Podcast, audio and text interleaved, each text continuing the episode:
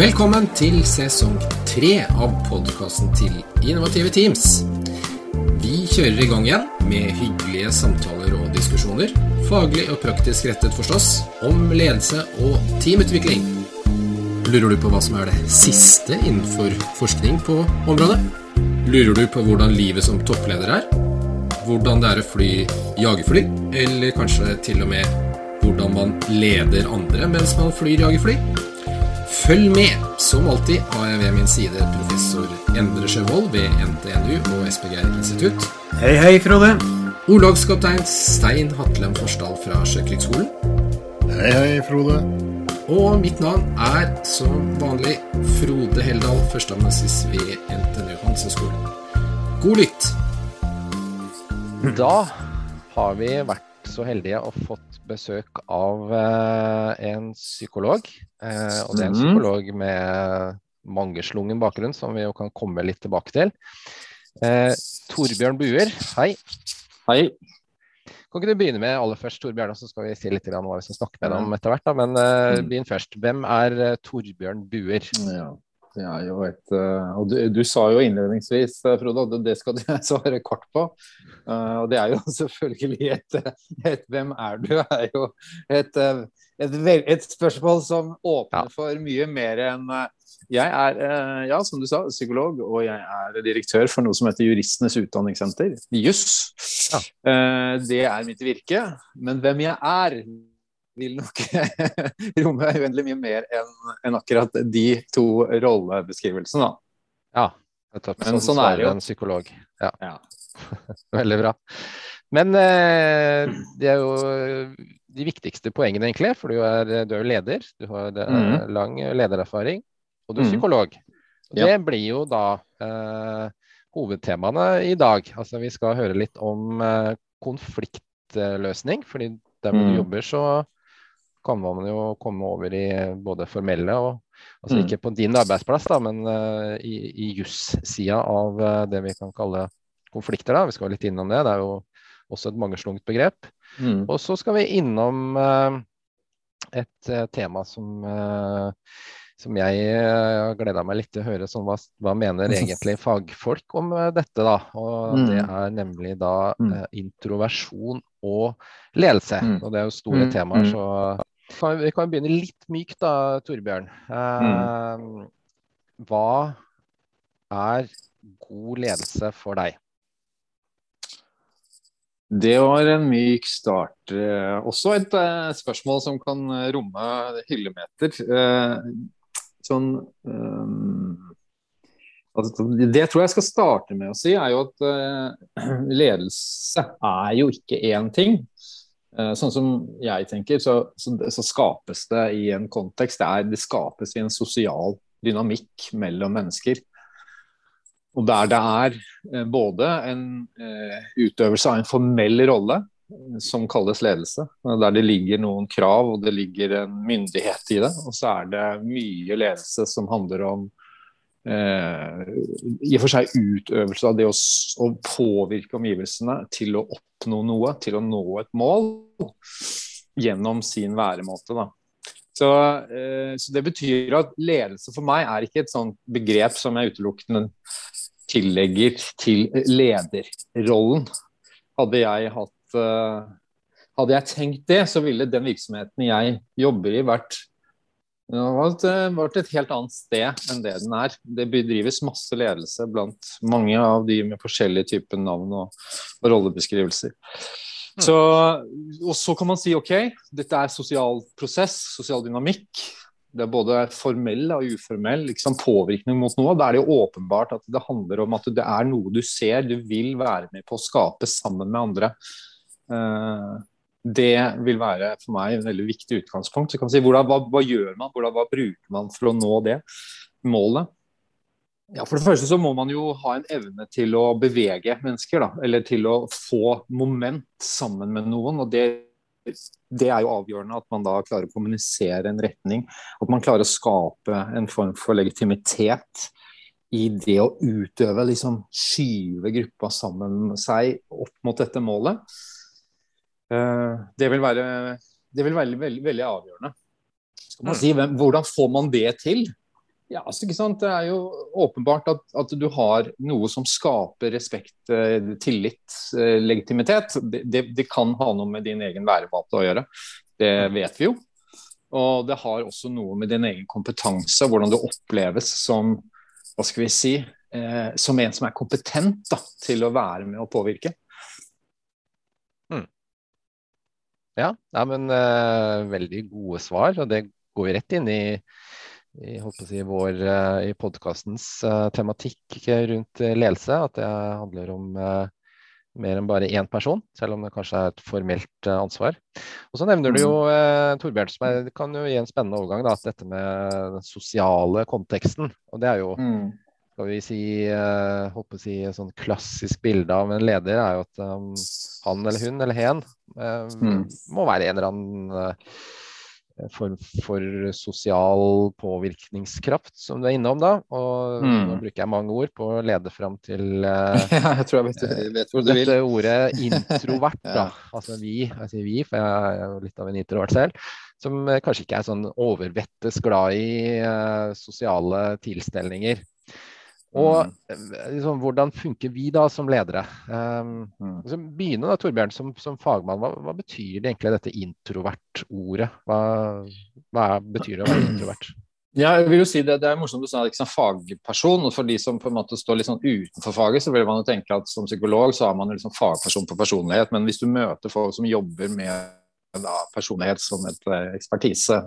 så, som ekspertise vil ikke jeg være en fagperson i den forstand. Jeg, jeg har ingen akademisk grad i dette. Men, men jeg har brukt og bruker eh, kartlegging av personlighet eh, når jeg gjør rekruttering.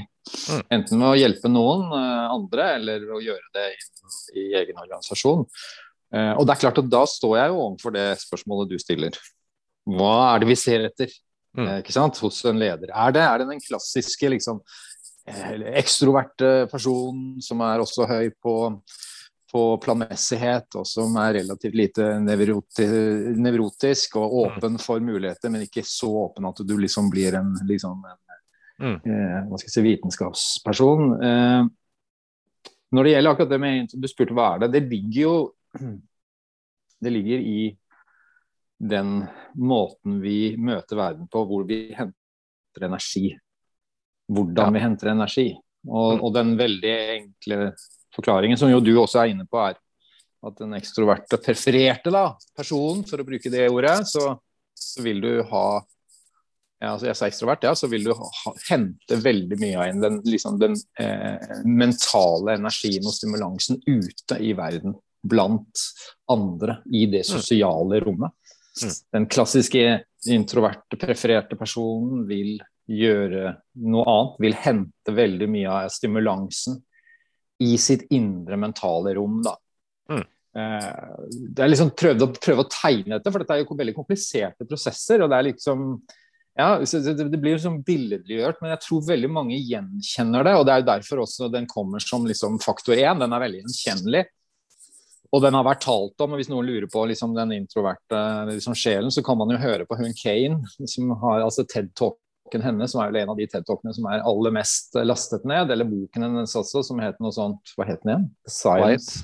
The Quiet. Quiet ja. Ja, mm. ja. ikke sant? Som opplever seg da i en verden av ekstroverte mennesker som snakker før de tenker, som tar rommet umiddelbart, som markerer seg veldig sånn sosialt, helt altså antageligvis ganske sånn u, eh, altså spontant, ja. og uh, ubevisst også. Det er liksom bare maskin, det er bare det at du går ut og, og, og liksom sprer ut deg med energi. Mm. Og den introverte vil ha den energien innover. Altså. Og da vil, i det sosiale spillet, oppleves som mye mer stille, som mer eh, tankefull, som mer eh, tilbakeholdt, eh, reservert. Og dette er jo fortolkninger da, som vi legger. Dette er merkelapper mm. som vi legger på denne atferden. Mm. For det trenger jo ikke være sånn i det hele tatt. Mange tror at det har noe med beskjedenhet å gjøre, men det trenger jo ikke ha noe med det å gjøre, det heller. Men det er en eller annen kraft her en eller annen mm. forskjell som er lett å observere. Mm. Er, det, er, det, greit? Ja, grei det, er, det er veldig greit. Eh, og jeg tror vi, eh, vi eh, I hvert fall det siste du sier, er jo, er jo viktig. Altså Denne fortolkninga som blir gjort, trenger jo ikke nødvendigvis mm. være riktig. Da, og da kan vi jo hoppe litt over på dette med, med, med, med ledelse, som du jo mm. nevner. Eh, mm. Hvor jo kanskje det klassiske bildet er liksom som du sier. og så. Kanskje også litt høy på agreeableness, men ikke for høy der heller. Og så har du den klassiske lederprofilen, kanskje.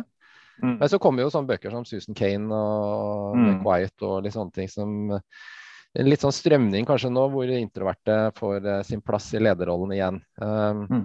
Mm. Si, litt mer om koblinga mellom da uh, denne typen, eller hva vi skal kalle det, profil, og, og, og ledelse. Er det, funker det, eller funker det ikke, eller hva, hva tenker du? Mm.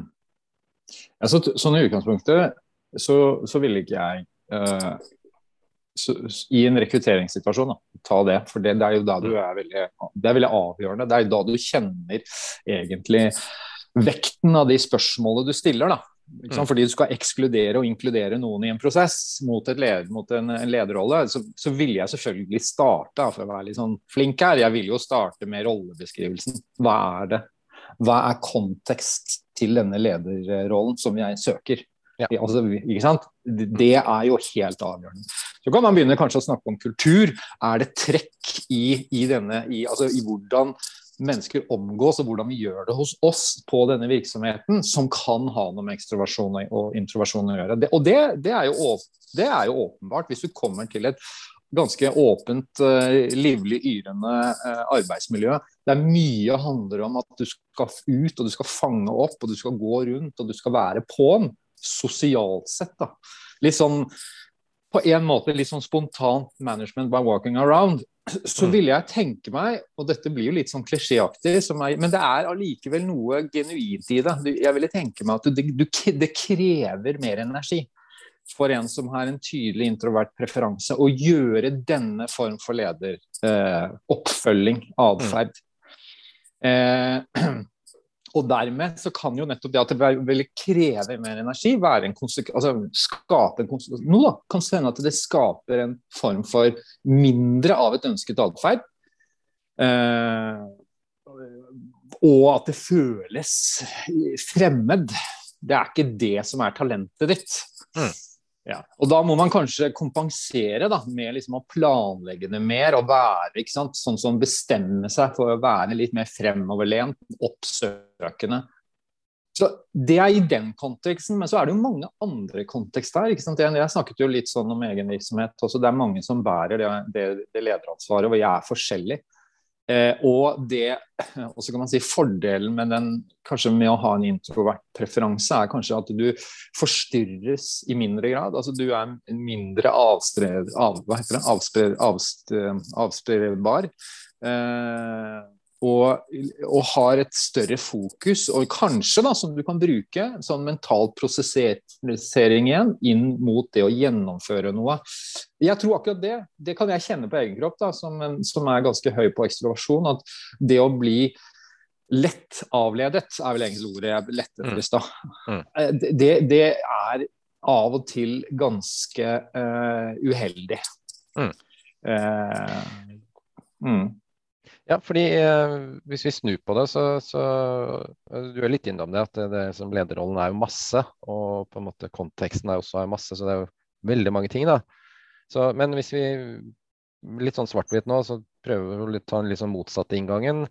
Sånn mulig svakhet eh, som ekstrovert i lederrollen kan jo kanskje være at man eh, er veldig frampå med seg selv og sitt, kanskje? Ja, jeg, jeg, altså det, jeg, tror alle som har sittet, og det er sikkert noen av de som hører på denne her, altså hei på deg, og som sitter i en gruppe, det kan være i et type frivillig arbeid eller i en jobb eller i en ledergruppe. Altså du vil sånn spontan... La oss bare ta dette tankeeksperimentet. Du kommer inn i denne gruppa. Det er liksom torsdag klokka ni, kanskje. Da begynner denne gruppa. Da er den første møtene. Hvem er det du hører stemmen til? Mm. Hvem er det som beslaglegger de første minuttene? Hvordan er diskusjonen underveis? Eh, og en klassisk overslag, da, for å bruke det Jeg er jo glad i denne kjernekvadrantmodellen, hvis du kjenner til den, også kalt talentoverslag. Et overslag av en ekstroversjon, det er at din iver etter å hente og dele energi eh, blir en strøm av ord, avbrytelser, avstikkere, som for deg er veldig stimulerende. Men for saken sin del, at nå skal vi prøve å konsultere gruppa opp mot et bedre grunnlag for å ta en, en beslutning, så er det en, minus, en minusvariant. Og, det, og dette er også litt interessant, fordi de som altså den, du er veldig, du, Man er veldig large da, med, og veldig raus med sin eget overslag. Mm. Overslaget på en egen preferanse. For det mm. kjennes jo Jo, jo, men herregud, altså, jeg kjører jo på. Jeg får jo jeg, jeg får energien i gruppa. må ikke være for treig. Det er ens egen liksom, forklaring på at folk sitter og sier Vet du hva, nå må vi konsentrere oss om det som faktisk vi skal snakke om i dag. Og nå er det nok mm. liksom, preik og, og assosiasjoner. Så der er det ikke noe tvil om at det ligger en minusversjon, altså et overslag i den sosiale konteksten på noe som handler om ekstroversjon. Mm.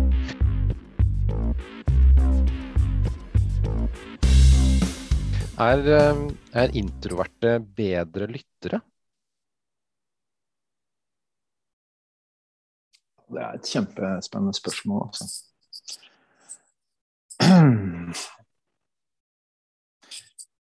Jeg, det minner meg litt Jeg, var, jeg har, er i en kollokviegruppe vi har drevet på i mange mange år. og den, Denne mm, ene medlemmet i kollokviegruppa, Laila, hun, hun, illustrerte dette med lytting her forleden.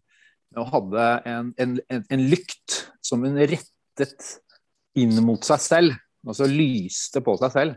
Så liksom Den der bevegelsen det er å gå fra lytte, en slags lyttefrekvens som er innover mot deg selv, at du hører og er opptatt av hva som foregår i deg selv. Og det der å altså, ta den lykten og bevege den opp og lyse på den andre.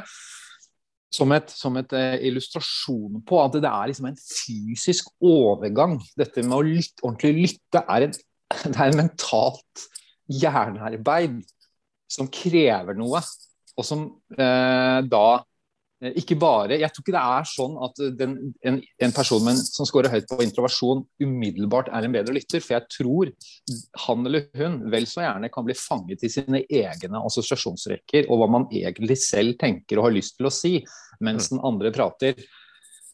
Eh, jeg tror kanskje at for den andre, da, hvis vi sier det er to parter her, den som snakker og skal lyttes på, så ville man kanskje oppleve igjen, litt sånn tabloid, at den mm. ekstroverte avbryter med sitt eget.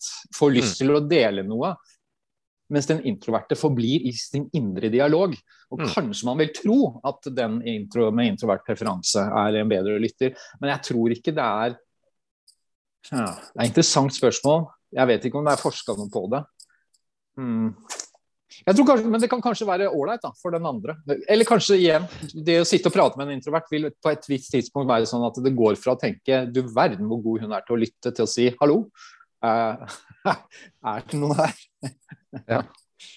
Jeg vet ikke. Ja, nei, ja, nei det, det, er jo, det, er jo, ikke noe fasitspørsmål som du kanskje er innom nå, men eh, vi snakker jo litt i sånn tabloide rammer, da. Så mm. kanskje som Kane er litt innom òg, så at det ikke nødvendigvis er verken eller, men at man, hvis man har den ene preferansen, kanskje som ekstrovert, så kanskje man skal øve, seg på å få fram andre synspunkter uh, først. Mens uh, en introvert da, i Kanes, uh, Kanes form da, vil, vil, øve seg på kanskje å være tydelig på egne synspunkter. Ja, kanskje, det vil være en ja. fin det vil være en klassisk sånn Hvis du går til en lederveileder som har litt innsikt i dette, så vil du antakeligvis få dette som utfordring. Mm. Bra. Uh, må, må holde oss litt til med Kane, uh, Torbjørn. Uh, mm. For hun, hun eh, og anbefaler alle å lese boken, selvfølgelig, men hun er jo også innom uh, at uh, du, du, nevner lederutvikler, og kanskje vi skal si lederutdanninger, som jo vi holder på med begge to. Så hevder hun jo uh, kanskje litt bastant, eller blatant, da, at vi er kanskje litt lurt da, i, i hvordan vi tenker lederutdanning. Mm. Hvor vi er veldig påvirka av f.eks. Harvard. da. Men som Kane sier, så er det en spesiell type mennesker som går på Harvard, og etter hvert laga seg en mm. sånn oppfatning av at uh, man skal være på en viss måte, som jo hun mener er mm. veldig ekstrovert. og sånne brainstormingsprosesser hvor alle er ekstroverte og kaster seg Mm. utpå. Um, tenker du eh, Er det noe der?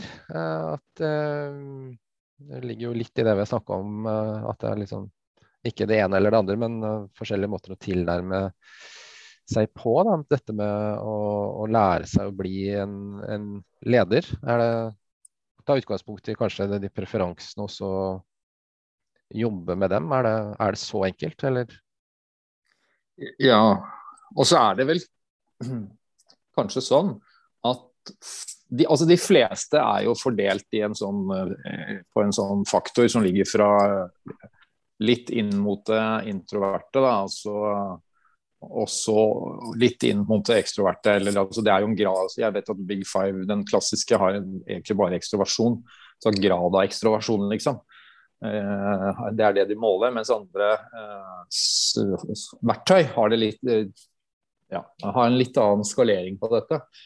Men jeg, jeg, jeg tenker at det å være, liksom, ligge sånn på balans? Det å ligge ovenpå det ekstroverte, litt sånn som vi sier, ja, OK. Da da er vi litt sånn på kontekst igjen, men du vil ha en sånn tilgang til, til dette med sosialitet og like den her OK, nå skal vi antageligvis li- bedre, nå skal vi komme opp med ideer, og eh, nå skal vi brainstorme. og og Det er en aktivitet, og det er kanskje litt sånn spenningsøkende i det der. altså Disse her fasettene som ligger under, som du får lov til å leve på, leve ut. Mm. Og Så har du den der ambiverte, som jo i og for seg mange også kan gjenkjenne seg i. At du har ditt indre rom, som er ganske rikt, og der du henter mye. Og du har koblet på det sosiale rommet, og der kan du også orientere deg og hente energi og være med på en ganske god måte, men du må ha vekselvirkningen. Og så har du de som er litt mindre på den eh, altså Litt mer i det indre liksom, eh, Litt indre rom, som er mer på introversjon. Og alt dette her, altså denne her liksom vandringen fra, det, fra der vi er nå, fra den liksom inn mot det introverte til inn mot det ekstroverte, tror jeg kan tilpasse seg ganske godt Mm. de fleste lederkontekst som vi opererer i. Det tror jeg. Ja. Så det er egentlig de som er ganske sånn ekstreme, tror jeg, Frode, på, de, på disse scoringene. Som jeg Mm. ville si har eh, få, må få noen klare utfordringer for å ikke glippe på eh, visse ting. At ikke den hva skal jeg si sånn da, igjen tabloid, den veldig klassiske introverte lederen blir sittende veldig mye for seg selv, har dannet kartet, vet hvor vi skal, har hørt seg selv formulere, kjenner energien å tegne liksom, strategien. Men hvis du går ut og så sier vet du hvor jeg er på vei hen? Nei, da er det ganske få, for det er ikke delt. Det er ikke, det er ikke droppet, det er ikke nudga, liksom. Mm. I de der naturlige, sosiale, små, uformelle situasjonene som, som dette mennesket kunne ha operert i, men som han eller hun av, av denne grunn velger å ikke være i. da. Mm. Ja. Ja. Og den ekstroverte, akkurat motsatt, får ikke nok, egentlig, av akkurat det der. Toucher her, er avspredbar, er i det sosiale rommet. Blir da sett som en ganske stor, dominerende og, som et overslag, forstyrrende element eh, for det som er fokus, disiplin og få ting til å gå. Mm. Så det er ytterpunktene jeg ville vært opptatt av. Det er egentlig det jeg sier. Ja, og så går det an å høre deg dit hen også, at du eh, det er greit å være be bevisst, da, sosialt bevisst. Det har vi snakka litt om i, i poden også. Og, og utfordre seg selv. Altså vite kanskje ikke bare hva man er god til, og dyrke det. Interessant. Jeg leser akkurat en veldig veldig god bok av en som heter Lisa eh, Barrett Feltman, som heter 'Seven and a Half Truth eh, of the Brain'. Lesson of the Brain. Den er knallgod. eh, og det hun gjør, blant annet, Dette er en hjerneforsker, kanskje en av de aller mest siterte akkurat på forskning rundt hjernen nå i dag. Men hun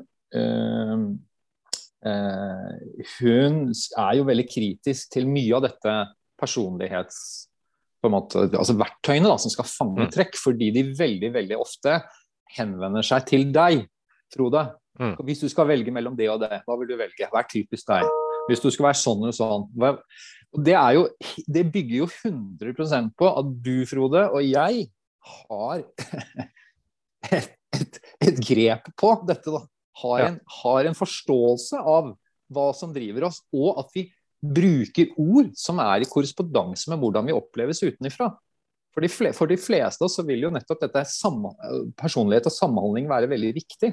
Og da, da vil jo jeg være opptatt av at den jeg sitter overfor, har tilgang til å gjenkjenne trekkene sine. Ja. Så når jeg sier vet du hva, nå har jeg snakket med deg veldig veldig lenge, og du har ikke egentlig gitt et eneste ord tilbake, så nå jeg, lurer jeg på liksom, det, Følger du med? Er, er, dette en del av deg, at du, du, kan bli veldig inn i dine egne tanker? Nei, nei, nei. Jeg, altså, ikke sant? Jo, det er da altså, Det krever rett og slett at du, kalibrerer liksom, For å bruke et litt sånn teknisk begrep, da, fint på en sånn NTNU-podkast, eh, men er kalibrert. Altså, jeg, jeg, tror den viktigste delen av min personlighet er egentlig hvordan folk leser meg. Ja. Men det er ikke den jeg spør om. Blir spurt om. Nei. Jeg blir spurt om hvordan jeg leder meg selv. Ja, eller sant. hvordan jeg leser meg selv. Mm. Ja. ja. rett og slett. Uh, og det er jo Det var vel Stein som var innom i, i en tidligere podkast at det finnes Av den grunn så finnes det jo tusen forskjellige versjoner av deg. Fordi Nettopp personer leser det på forskjellig måte.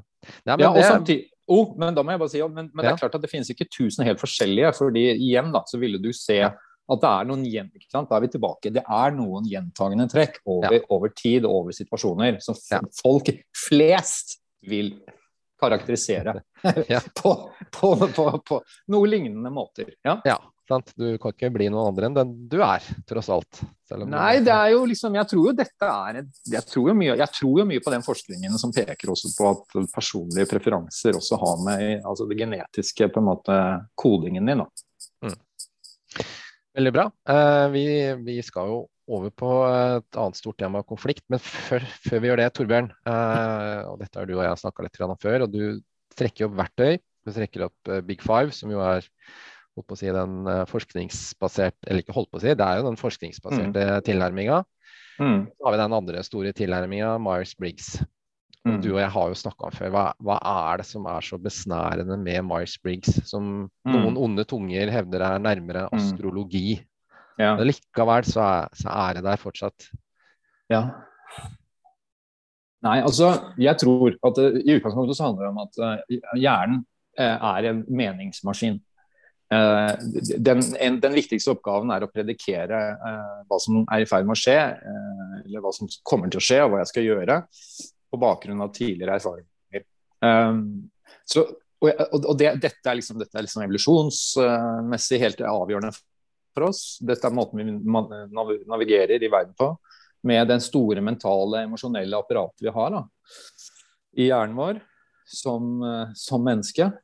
Eh, og Det betyr at vi også er veldig glad i å gjøre eh, eh, raske konklusjoner av noe som er gjenkjennbart, og som setter helt naturlig verden i båser. Ja. og igjen, dette tror jeg er veldig sånn adaptivt for oss, har vært det på mange måter. men det er her igjen da, et åpenbare overslag, nemlig at du lager det veldig, du sedimenterer disse boksene dine. Eh, du vet, du har allerede bestemt deg hvordan han er og hvordan hun er på bakgrunn av nesten de første 30 sekundene. Å ja, ja, du er en sånn type. Og så mm. bare leter du etter det som, som bekrefter din antakelse. Dette er jo liksom alle disse biasene som er utrolig interessante og ganske sånn urovekkende å lese om. Confirmation bias, da, som jeg er inne på nå. Uh, uh, og så tror jeg, Men så tror jeg altså rett og slett at igjen da, så tror jeg jo på at det er trekk i personlighet som er eh, en del av det genetiske eh, kodinga vår. Og Da vil man jo kunne si at det er visse ting som gjør at jeg er likere i atferd enn noen enn noen andre. Og så er det noen smarte folk som har klart å lage eh, verktøy som fanger opp på overflaten noen av disse tingene. Og det er veldig deilig for hjernen vår da, når vi får en sånn. Og så sier vi jøss, ja, men dette kjenner jeg jo igjen. Mm. Og så vil jeg jo si, og det er tilbake til kritikken til det, at det er jo ikke så rart, for du blir jo bare bedt om å beskrive deg selv. Og når du ser din egen selvbeskrivelse og sier ja, ja, men det stemmer jo, ja, mm. så er det kanskje ikke den store overraskelsen, egentlig. Men det er gjort ganske raffinert, og det, og det ja. Så jeg tror det er derfor. Det er, det er, derfor vi liker å lese også tabloid eh, ting. Altså ja. ting der mennesket er sånn og sånn, det er sort og hvitt. Ja, det er litt den samme greia. Ja, godt svart. En sånn form for selvbekreftelse, mening, i, i å fylle ut og lese tester. Ja, Nei, men bra.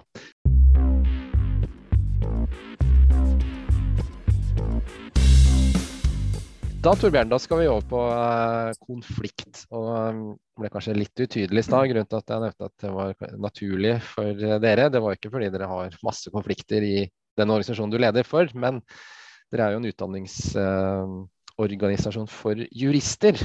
Ja. Og mange konflikter havner jo etter hvert i, et, uh, ja, i rettssystemet, da. Så, mm. Men uh, vi skal ikke helt dit. Uh, vi kanskje kommer grense litt opp til det, da. Men vi skal bevege oss litt før man havner i det alvorlige stadiet, da, tenkte jeg. Mm. Så um, vi kan begynne med Torbjørn. da. Hva, hva legger du som psykolog i ordet konflikt? Ja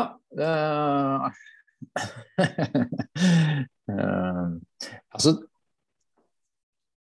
Jeg jeg legger i det uh, Og da tror jeg det var en Hotvedt som skrev en gang en brysom forskjellighet. Så det var definert som mm. altså det, det, er, det, er, noe som er uforenlig.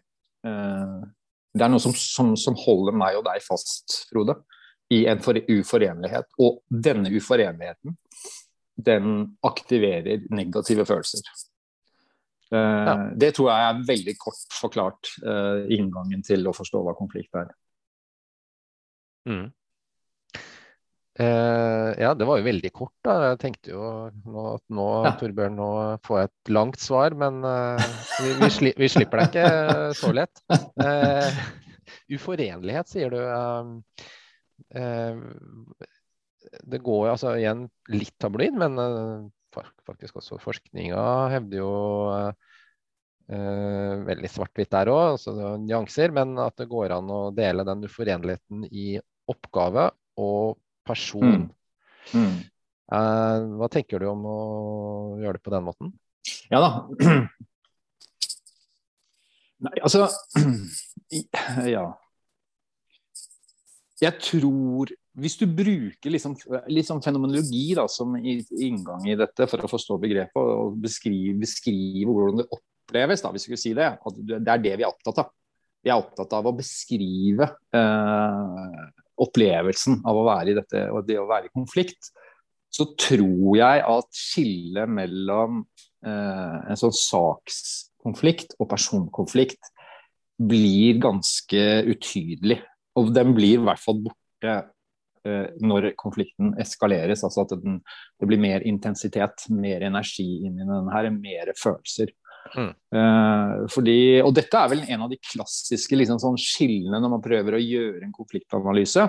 Nemlig at man leter etter når er det denne uenigheten du og jeg har om noe. Uh, og, og, det Hva må det skulle være, da? Eh, hvis vi jobber sammen, eh, hva er det du skulle gjøre? Hva var det jeg skulle gjøre? Jeg trodde du skulle gjøre noe annet. Jeg trodde du mm. kom til å levere noe til meg i går. Og nå må jeg bli sittende og gjøre dette eh, på kveldsarbeidet. En kveld jeg virkelig hadde hatt behov for å være sammen med familien. Mm. Mm. Ok, hva kan vi se på Hvis vi skulle sett på en sånn ting, da, hvis vi hadde jobbet sammen, Frode, hva ville det vært? Jo, man kunne sagt at det var en slags eh, saksmessig uenighet i altså, i, i, en avtale du og jeg gjorde, der vi åpenbart har misforstått hverandre.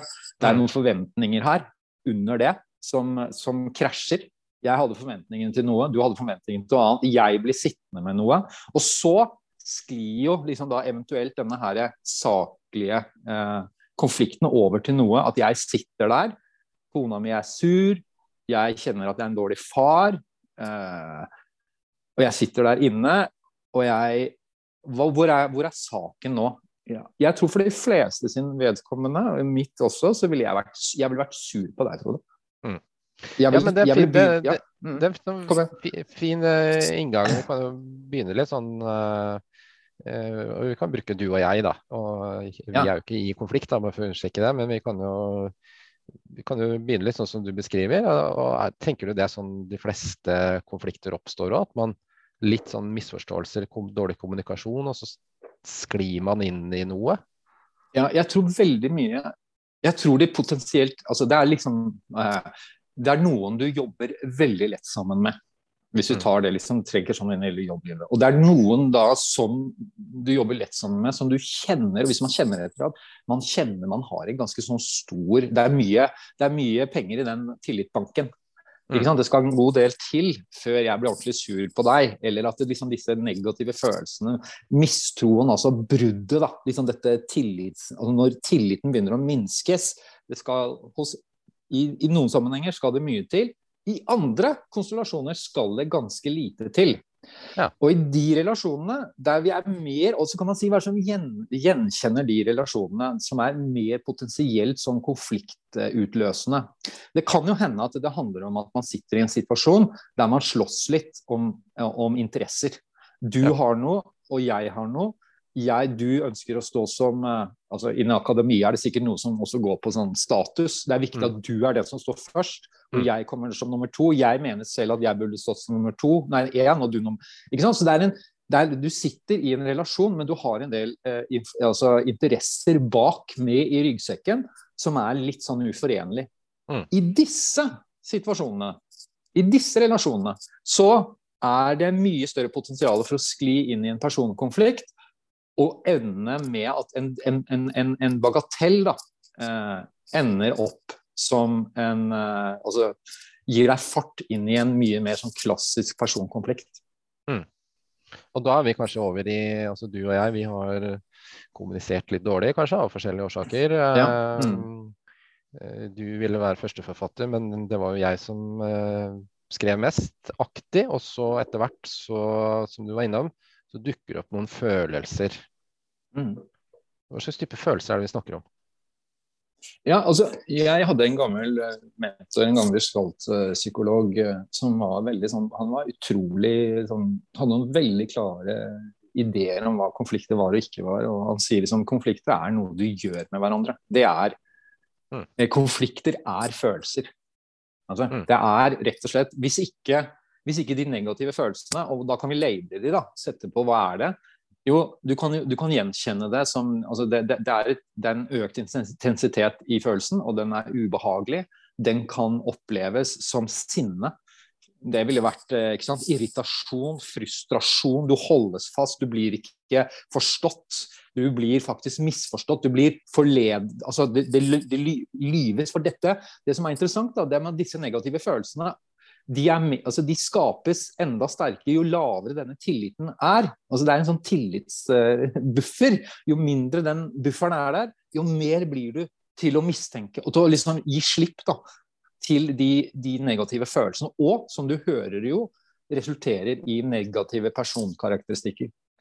Mm. Eh, og der det blir veldig han eller, eller de og jeg, du og meg, og det er min pekefinger blir veldig dirrende, pekende på deg, anklagende. Og den blir på sett og vis meg selv eh, fri. Jeg, jeg, jeg eh, forsvarer meg selv. Det er altså ikke jeg. Jeg, vet du hva, jeg gjorde Nei, nei. Jeg sa, når du hører disse her, jeg sa, du sa, vi sa, ja, da har du kommet til et sted der det handler egentlig ikke om denne saken i det hele tatt, men det handler om å si ja, men jeg ville gjøre gode ting. Mm. Og, og du har ikke sett det. Og jeg syns du gjør dårlige ting. Altså Det er en gjensidig bebreidelse og en, og en gjensidig egentlig kamp om selv stå fram som den gode. da. Ja, fordi det er jo ikke jeg som har gjort noe gærent her. Det er jo, det er jo du. Ja, og det, og, Eh, det, ja. og det er veldig interessant hvorfor det må være sånn. For jeg har jo noen gang tenkt også at Hvorfor er mennesker så ekstremt Eller kanskje altså Jeg har tenkt noen ganger at vi er ekstremt dårlige til å håndtere disse tingene her. Eh, vi er eh, som en sånn stammefolk, altså, så er vi liksom vi, I konflikter gjør at vi fremdeles går inn i hver vår stamme. Og det handler om denne her polariseringen, deg og meg. Mm. Det handler om å ivareta sitt eget og, og gjøre de andre eh, til, til noe som er dårligere enn oss. Og liksom, det å bare ha fulgt den amerikanske liksom, altså, politikk gjennom de siste fem, i hvert fall fem-seks år, er jo helt altså, så Retorikken er så også så gje- gjennomskubar når det gjelder At det er det, denne effekten de ønsker å, å få skape. De ønsker, det virker som de ønsker å skape konflikt mellom, mellom menneskene i, i, statene. Og bruke disse primitive uh, mekanismene for å skape en konflikt. Og dermed låse noen inn mot seg, sine mm. velgere. Som er villige til hva som helst, overse hva som helst av, av informasjon, av, av, av, kunnskap, av empiri. Eh, bare for å opprettholde liksom, ideen om at denne presidenten er den vi skal følge. Alt det han sier, er rett. Mm. Ja. ja vi, jeg tenker vi du, du, nevner jo litt om eh, konfliktskaping kanskje her, da. Men um, hvis vi drar til den andre enden, konfliktløsing. La oss si nå du uh, og nå passer det litt dårlig å bruke det som et, et eksempel, da, for jeg tenkte å høre med deg. Hvordan, hvordan løser man opp? da? Men la oss si at du, eh, Torbjørn 2, altså jeg og du, vi, vi, er i en form for konflikt nå. Og som et mm. minimum da, så får vi ikke gjort så mye sammen, sant? Mm. for vi bare bruker energi mm. på ja. Så her er det et eller annet som må løses opp. Om det er lederen eller eh, altså noen utafor. Mm. Så hva, hva, gjør man da som konfliktløser? Eh, hva er psykologinngangen da, Torbjørn? Ja. Nei, altså Jeg har jo sittet og meklet eh, i noen konflikter uh, gjennom tidene. Jeg syns jo det er utrolig vanskelig, man må si det. Uh, uh, og jeg, jeg syns det er fint å si at man kommer og skal mekle, da, eller mediere. Eller, ja. og, og, det er det du driver med. For å si at du skal, eller at du skal drive med konfliktløsning, vil jeg aldri turt å ta på meg som en slags Legge på meg som et oppdrag. Fordi dette handler jo om altså, Du må reversere dette, Frode. Du må reversere eskaleringen. Mm. Eh, og, og, det er et ganske heftig eh, emosjonelt, eh, kognitivt arbeid for partene å gjøre. Eh, og det skal du være med på å sørge for. Og nå går jeg rett inn sant, i jobben som, eh, som, mekler, er det ikke det du tenker? Ja. Jo, som et eksempel, ja. Nei, ok. Altså, en av de aller jeg mener det, Noe av det aller viktigste du gjør, det er at du må, du må på en måte skape et rom som er så trygt for partene å være i som mm. overhodet mulig. Fordi disse partene de gjør hverandre veldig utrygge. Det mm. er utrygt, og det er skummelt og det er truende for de aller fleste av oss å være i konflikt med et annet menneske. Mm. Så, nøytralt, nøytralt er det Nøytralt er viktig, fordi du må, jo sett, du må være veldig god til å synliggjøre at du ikke har en stake i noen av ja. partene eller ja. i noen av interessene. Og at du opprettholder oppdraget hele tiden. Oppdraget er liksom sånn Vel, dere trenger ikke å like hverandre, og dere må kunne jobbe sammen. For det er, det er i samme jobb, liksom. Mm. Så det er en slags nøytralt utgangspunkt. Og så er det jo noe med hva du gjør da, for å få folk til å føle eh, seg sett. Eh, akseptert, igjen mm. en veldig viktig del av det.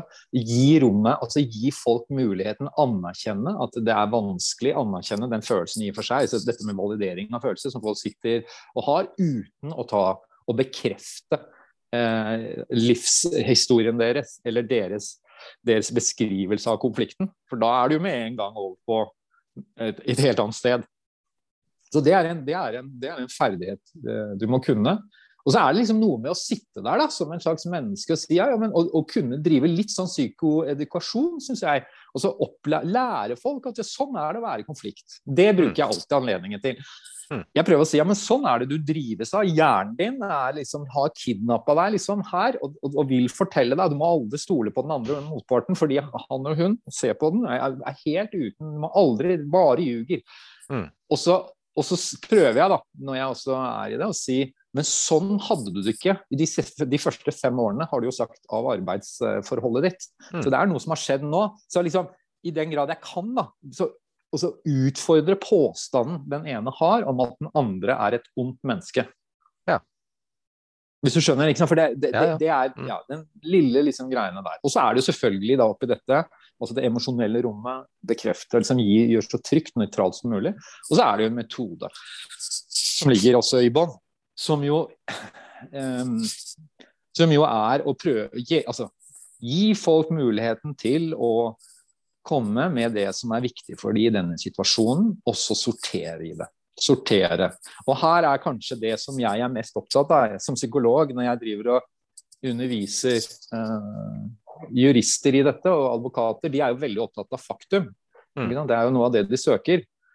Og jeg tror jo at uh, det er ikke noe faktum i en, en, konflikt annet enn at dere er i konflikt. Altså Det er ikke sånn at hvis vi bare går dypt nok inn i materien, Mm. så vil du plutselig si OK, så det var der, ja. Ja, men da skjønner jeg. Da tok jeg feil. Ja, Jeg er sorry. Nå, Ja. nå er det greit. Vi er enige. Ikke sant? Rest my case. Jeg har aldri opplevd det.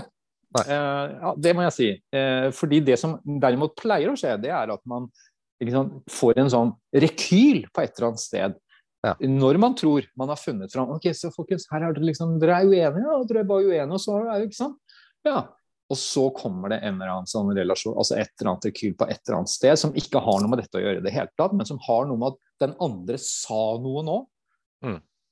Anklaget meg. Igjen stakk, dolket meg i ryggen. Alle disse billedlige forklaringene som igjen fyrer opp og hijacker hjernen din, og så er du i angrep, altså flight mood, eller hva du er i. Ja, fordi eh, det, det har jo det har jo vært i eller har jobbet med noen konflikter selv, og også erfart det at eh, det å liksom komme til bunns i, i fakta Jeg var jo, opplevde jo det med en sånn type ressursfordelingssak en gang. At eh, det å vise harde tall da, det, Jo, dere får faktisk det samme. Mm. Hvor da de krangla om at den ene fikk mer enn den andre, og det mente også den andre motparten. da. Å Mm. vise de reelle tallene. Det funka ikke. De Nei. fortsatte jo bare å, å stå på sitt. Så det, det, var, det, Mm. det var liksom andre ting, da. Ja, og, det, og, det, og da kan jeg spørre deg, hva var de andre tingene? Jo, det er jo litt det du, det du nevner, altså, men eh, saken er, er, borte. Selv om det på en måte er det man driver og, og sånn på overflata krangler om. Men eh, sånn i Mm. bunn og grunn så er man over i en sånn situasjon, som du sier, Mm. eller relasjon, kanskje, hvor man Mm. ikke liker hverandre, rett og slett. Så, Ja. Og der, der, der har vi jo masse, ikke sant. Et av de tingene jeg er opptatt av, det er jo å få ut sånne nabokonflikter og den type ting ut av rettsapparatet. Der, der, der, der hører det ikke hjemme i det hele tatt, men det er jo ekstremt mange sånne saker som kommer opp der, og som avgjøres av, av retten, og som kan gå ene eller andre veien. Og som ender med at ok, du skal betale, det er erstatningen, der, er, der skal grensen gå, det treet skal ned, osv.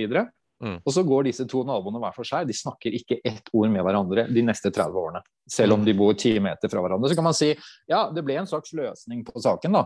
Retten kom med sin dom. Men den relasjonelle biten her er jo, ble jo aldri eh, deeskalert. Den, den konflikten bare, bare ligger der latent hele tiden. Eh, det, men det, så det er derfor dette liksom, Nå er det jo vært eh, Tvisteloven har jo liksom krav til, eh, til mekling, og det skjer gode ting i, i dette juridsystemet også for å fremme mekling som en metode. Som gjør at man ikke skal fylle opp eh, domstolene våre med disse sakene, men jobbe med det på forhånd. Mm. Eh, og det gir, eh, det gir gode resultater. Og der vil jeg si også, det var egentlig poenget mitt, tror jeg, at det er altså mange av disse dommerne da, og, og som driver eh, rettsmekling og, og advokaten og juristen, som er faktisk ganske gode til å få til dette her allikevel. At det er sånn, Mm. penger er OK, fordi man forventer det. Partene tenker når de sitter en advokat der, og man kommer dit og sier, advokaten sier, så har du fått like mye, så veier det litt mer da, liksom, på en eller annen måte enn hvis jeg som psykolog sier det. Jeg har jo ikke noe greie, ikke noe greie på penger i utgangspunktet. Nei. Det er, det en liten sånn kontekstuell eh, greie. Nå vet jeg ikke hvem du var sammen med, om du satt sammen med en eh, jurist, eller hvem du var sammen med. I denne saken du snakket om. Ja, nei, det tror jeg skal ikke, Ikke si! ikke, ikke si høyt.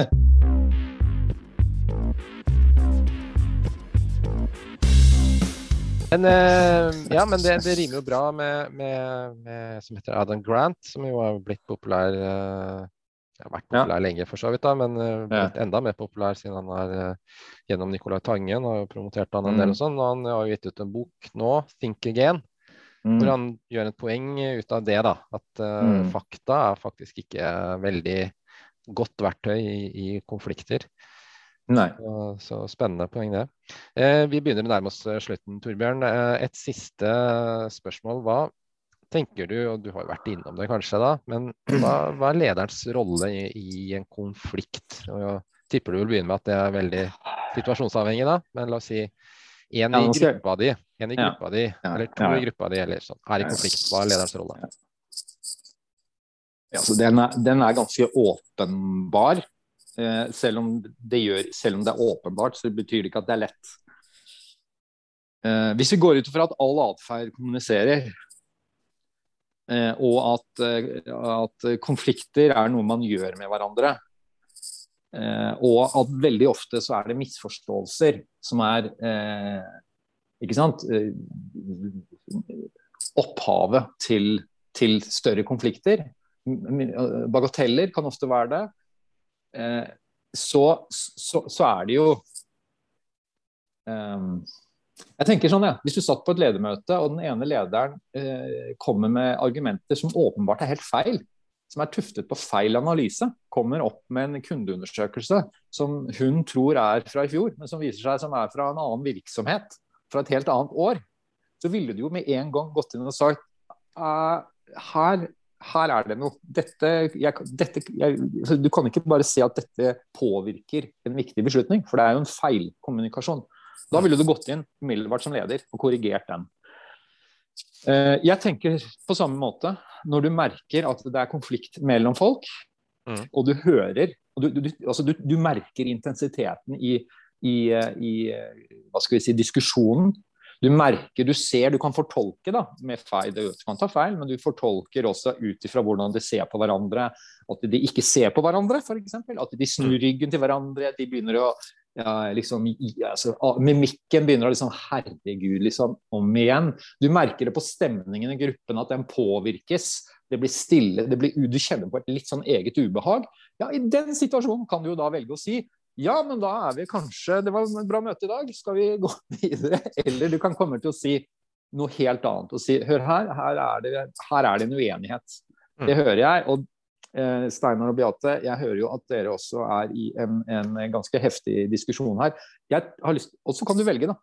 Så kan du, for, liksom, for det jeg gjør nå, er jo atferd som har et mål om å, å deeskalere noe, normalisere noe. Sette en ramme eller en norm for at det er helt lov i denne gruppen å være uenig. Det er også mm. lov å være så opptatt av det man mener at man kommer i en krangel. Men da er det et etterarbeid. Mm. Da er det et etterarbeid. Og Hvis ikke de to kunne klare å normalisere den atferden seg imellom i dette møtet, så ville jeg snakket med de etterpå.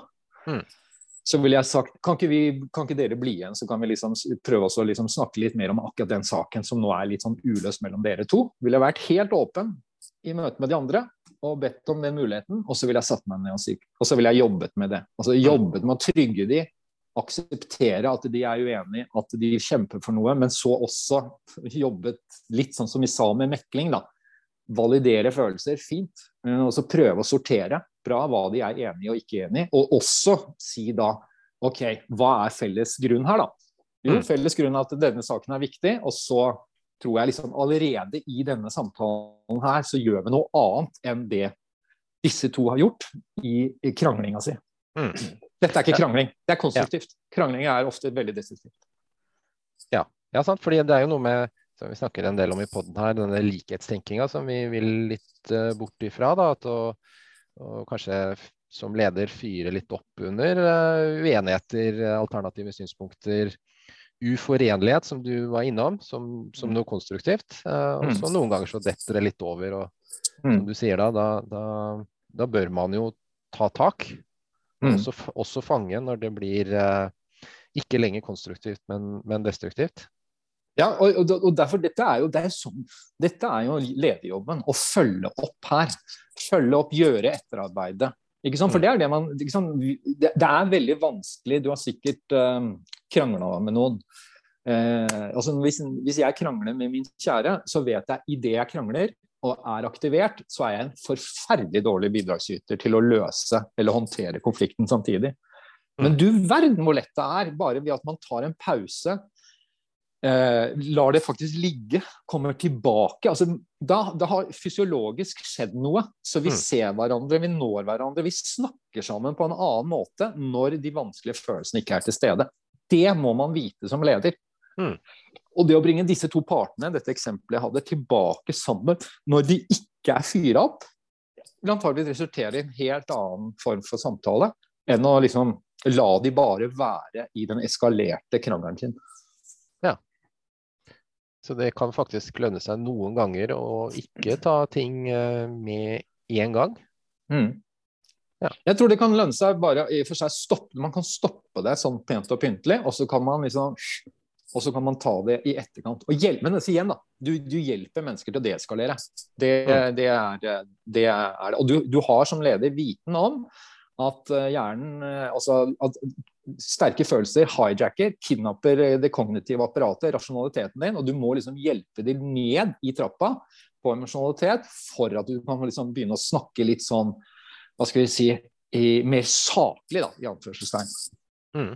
Ja, veldig bra. Jeg likte ordet at hjernen din er kidnappa. Det, ja, det er sånn, det er sånn jeg føler det, i hvert fall. Ja, ja sant. Nei, men eh, Kjempebra, Torbjørn. Det har vært en spennende prat om, uh, om, konflikt. Og du og jeg har vært i konflikt. Uh, vi fikk jo løst opp i det. Så vidt jeg vet, i hvert fall. ja, vi er kjelleren, jeg også. Ja. Supert. Du skal få lov til helt til slutt, Torbjørn. Har du noen råd, tips, vink til de som har lyst til å bli bedre i sin ledergjerning? Jeg er litt sånn opptatt av nå skal jeg ta, jeg, Som du hører, så snakker jeg jo ganske mye, da. Og jeg, ikke, jeg snakker jo mens jeg tenker, og noen ganger så tenker jeg rett før jeg snakker.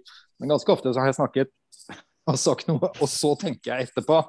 En klassisk eh, ekstroversjon-overslag, kanskje. Ja, ja, ja, det er klassisk. Ja. Men, men jeg har det siste liksom vært litt opptatt av det mange er opptatt av. Jeg sitter i en sånn nettverk med mange HR- og organisasjonsfolk. Og dette med å skape en, en um, tilbakemeldingskultur mm. er veldig viktig. Eh, ikke sant? Og man, man, er opptatt av det. Og der er det noen få Ja, jeg spurte forresten deg om hjelp til akkurat den biten, Frode. Og det jeg fant, var en, en, en, en Harvard Business Review-artikkel som oppsummerte en forskning rundt dette med en, et veldig eh, enkelt eh, råd. Mm. Det er be om tilbakemelding. Altså Veien til å danne en tilbakemeldingskultur er å begynne å be om tilbakemeldinger, for da vet du at mottakeren er rede til å ta det man får. Og det mm. passer veldig fint inn mot ledelse. For det forståelse av seg selv utenfra, hvordan du på en måte, hva som driver deg innenfra, og hvordan du oppleves utenfra, det er en viktig del av uh, erkjennelsen du må ha, selvforståelsen, og den får du altså. Hvis du bruker den anledningen til å stille, hvis du bruker anledningen til å stille det spørsmålet. Ja. Veldig bra, Torbjørn. For å oppsummere lang samtale. Er du ekstrovert eller introvert? Be om tilbakemelding. Hmm. Ja, veldig bra. Torbjørn Buer, tusen takk. Ha det bra. Ha det bra, Frode.